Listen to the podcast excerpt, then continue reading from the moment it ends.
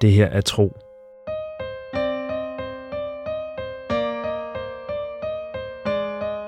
En eventyrlig podcast fortælling i 55 afsnit.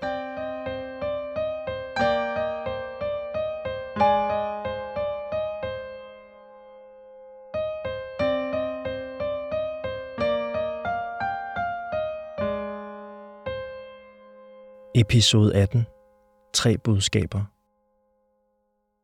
Firas kommer hen mod tro, liv og vej. Han standser nogle skridt fra dem og står med armene ned langs siden. Morgensolen glimter i det lange, krumme knivsblad i hans hånd, mens det æggeformede skovhjerte lyser i en blød brun farve. Den omrejsende spørger igen. Hvem er det, man for alt i altet ikke bør stole på? Vej har stadig sin hånd på Tros skulder. Hun støtter mod den for at komme på benene og skubber samtidig Tro om bag sig.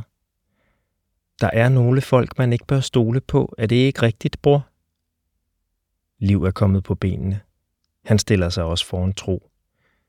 Det er rigtigt. Der er nogle folk, man ikke kan stole på, og som man derfor ikke bør stole på. Er det ikke rigtigt, søster? Vej nikker, uden at tage øjnene fra Feras. Det er rigtigt, bror, at der er nogle folk, man ikke bør stole på. Feras betragter dem. Han brummer. Det lyder som en noget mistroisk tilgang til andre folk. Den vil jeg lade jer være alene om. Selv har jeg altid ment, at når du viser andre tillid, gengælder de den som oftest. Tro bider igen mærke i mørket i Feras øjne. Ikke et skræmmende mørke, som det han så i hullerne i altet. Mere en sørgmodig skygge, der fylder tro med en bedrøvet følelse. Hvor meget har den omrejsende hørt af deres samtale? Er han klar over, at vej og liv advarede tro imod ham? Her tro, siger Feras og rækker skovhjertet frem mod slettedrengen. Den her lå i kernen. Det må være din. Tro tøver et øjeblik. Feras står stadig med den krumme kniv langs siden. Når man viser andre tillid, gengælder de den som oftest, tænker Tro. Så går han hen til Feras og tager smykket fra ham. Tak. Den må være faldet ud af min lomme, da jeg gik herud, siger han. Han stikker den tilbage, hvor den plejer at ligge. Hvad skal du med kniven? Feras løfter den krumme klinge og ser på den, som om han et øjeblik havde glemt, at den var i hans hånd. Åh, det er sandt, siger han. Den er til vores værter. Med tak for den gæstfrihed og venlighed, vi har mødt her i livets vej. Det sidste siger Feras med et overdrevent smil. Han rækker kniven frem med skæftet forrest. Der er viklet bånd af læder om for at give et godt greb. Jeg tænkte, I ville kunne få gavn af kniven, når I skulle høste urter eller korn, siger Feras. Vej tager imod kniven. Vi takker for gaven. Hun vender og drejer den i hænderne og rækker den til sin bror, som lader den glide fra den ene hånd til den anden og prøvende svinger den i en bevægelse, som om han vil skære en håndfuld strå over. Det er rigtigt. Vi takker for gaven, siger han. Og nu vil vi bede jer tage plads og spise morgengrøden, vi har tilberedt. Feras stiger sulten på lærpotten, der står i udkanten af gløderne. Så vender han demonstrativt hovedet væk det er meget venligt af jer, men vi bliver nødt til at afslå. Vi har allerede gjort god brug af jeres gæstfrihed og kan ikke tage imod mere. Og desuden må vi drage afsted, så vi er godt på vej, inden middagssolen tvinger os til at gøre holdt. Alt, der bliver sagt, er inden for rammerne af vejenes lov. Men tro mærker en anspændt kølighed bag de høflige bemærkninger. Måske hørte han ikke alt, hvad slette folkene sagde, men der er ingen tvivl om, at Feras godt ved, at samtalen drejede sig om ham. Tro mærker et stik af medlidenhed med den omrejsende, samtidig med, at han husker på de ensomme søskendes ord. Nogle folk bør man ikke stole på. Vej går hen mod forrådsteltet. Så lad mig da i det mindste finde lidt brød frem til jeres rejse. Det siger vi ikke nej til, siger Feras. Kom tro, og hjælp mig med at gøre bagkald klar til afgang. Da Tro og Feras sidder i kæren, rækker Vejde med en flettet kurv med brød, ost, tørrede bær og en most af vildæbler sødet med honning. De takker og gør klar til at tage afsted. Vi mangler fortsat at viderebringe dig to budskaber, Tro. Er det ikke rigtigt, bror? Feras mumler. Jeg synes nu ellers, I har fået sagt rigeligt, men hvis I har mere på hjerte, så må I hellere se at få det leveret, inden vi drager videre. Tre budskaber. Så mange mangler vi at viderebringe tro. Er det ikke rigtigt, søster? siger Liv, der har stillet sig ved sin søsters side. Det er rigtigt, bror. Vi mangler at viderebringe tre budskaber til tro, siger Vej. Glimrende, udbryder Firas. Tre er endnu bedre end to. Baggal og jeg venter blot til I har fået talt færdigt. Han synker tilbage i puderne med et utålmodigt fnys. Baggal græsser roligt videre og lader ikke til at have travlt med at komme afsted. Vej fortsætter uanfægtet. Det første budskab er dette. Vi ved ikke, hvad det er for mørke huller, du har set i altet, men vi ved, at hvis nogen skal finde et svar på, hvad de betyder, og måske endda kunne udbedre det, der ikke længere er helt, så er det dig tro. Liv siger, det andet budskab er dette. Vi kender ikke svarene på dine spørgsmål, tro, men vi har set, at du finder i hvert fald en del af svaret i de store skove. De to søskende bliver stille. Tro nikker. Og det tredje budskab? Det tredje budskab er, siger Liv, at vi vil mødes igen på denne dag om præcis et år. Til den tid vil du være blevet meget klogere, men med de spørgsmål, du har fået besvaret, vil der være opstået nye. Derfor vil du få brug for vores hjælp igen. Er det ikke rigtigt, søster? Det er rigtigt, bror, lyder det samstemmende fra vej. Feras sender de ensomme søskende et af sine anstrengte smil. Glimrende, så fik vi det af vejen. Og med et helt år har I rigelig tid til at planlægge jeres gensynsfest. Jeg tror dog godt, jeg allerede nu kan sige, at jeg ikke kan deltage.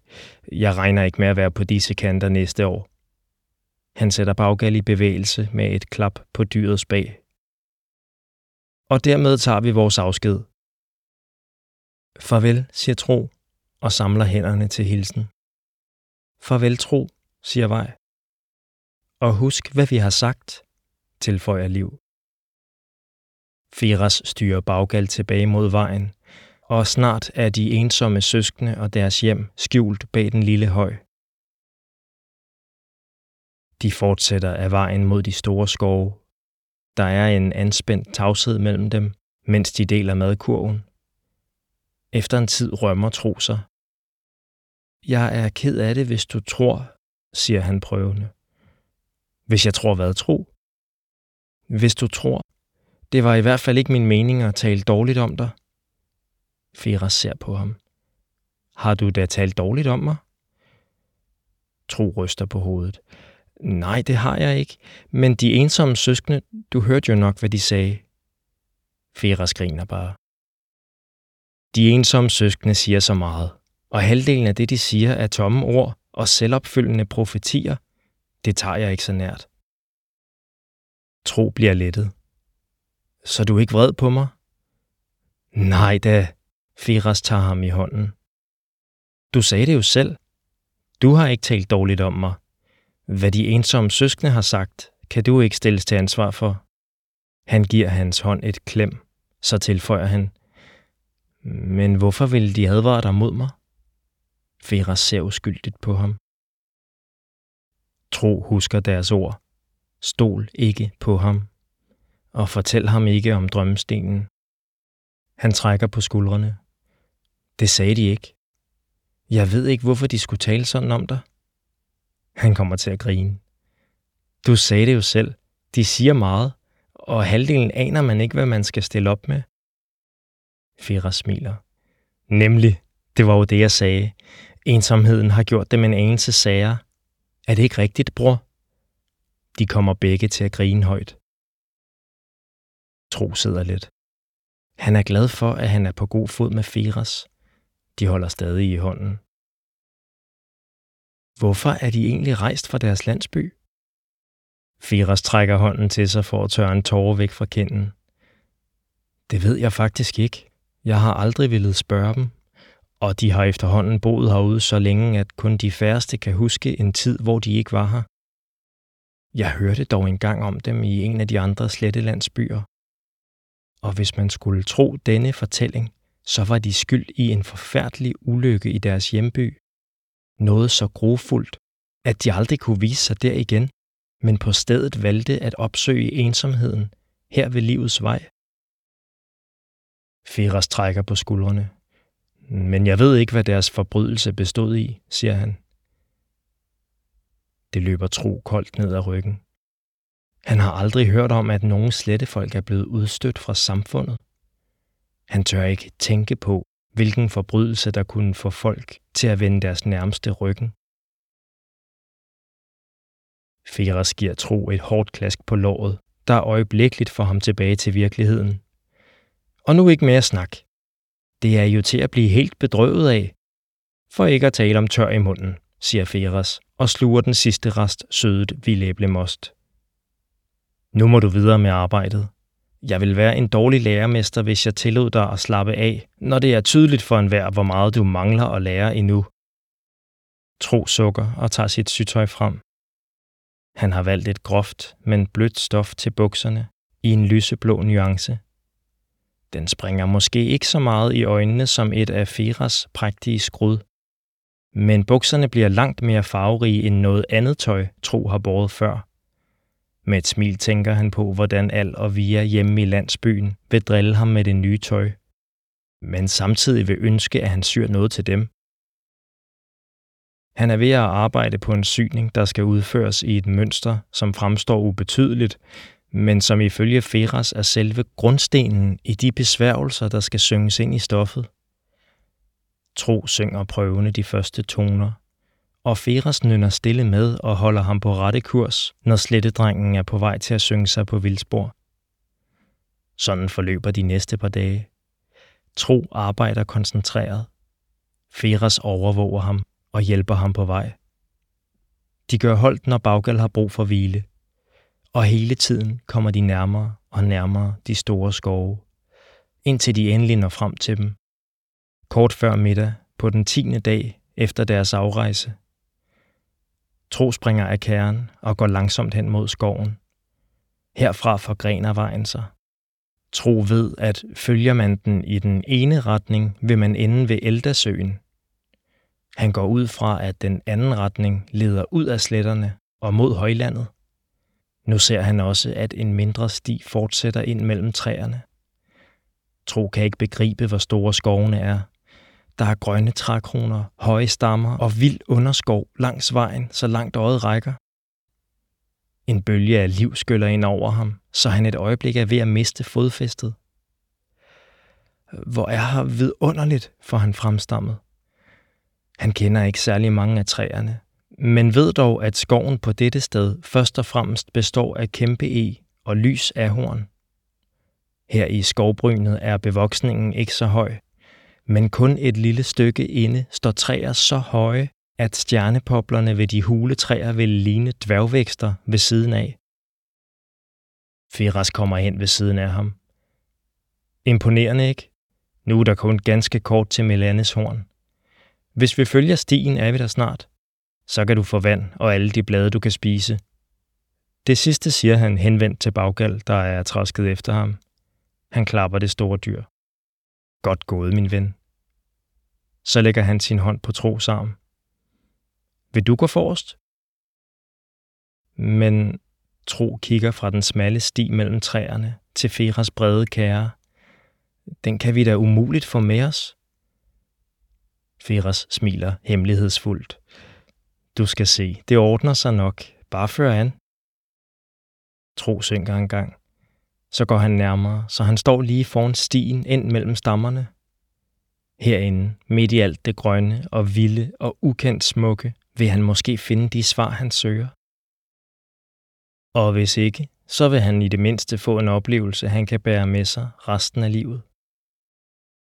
Med en dyb indånding tager han et skridt fremad. Men stanser i bevægelsen, da en høj, syngende, svirpen pludselig lyder fra et sted oppe i trætoppene. Fuldt af et kort, hårdt smæld lige foran ham. Tro springer forskrækket baglæns, så han er nær ved at vælte Fera som kul. I jorden foran ham sidder en pil, og hvis han havde bevæget sig bare et skridt videre, ville den have siddet i ham. Sådan slutter denne episode af Tro. Se et kort over alle byerne i fortællingen på tropodcast.dk. Her kan du også se Christian Funders flotte illustrationer. Tro er skrevet, indtalt og produceret af mig. Jeg hedder Mikkel Prytz, og jeg håber, du vil lytte med næste gang.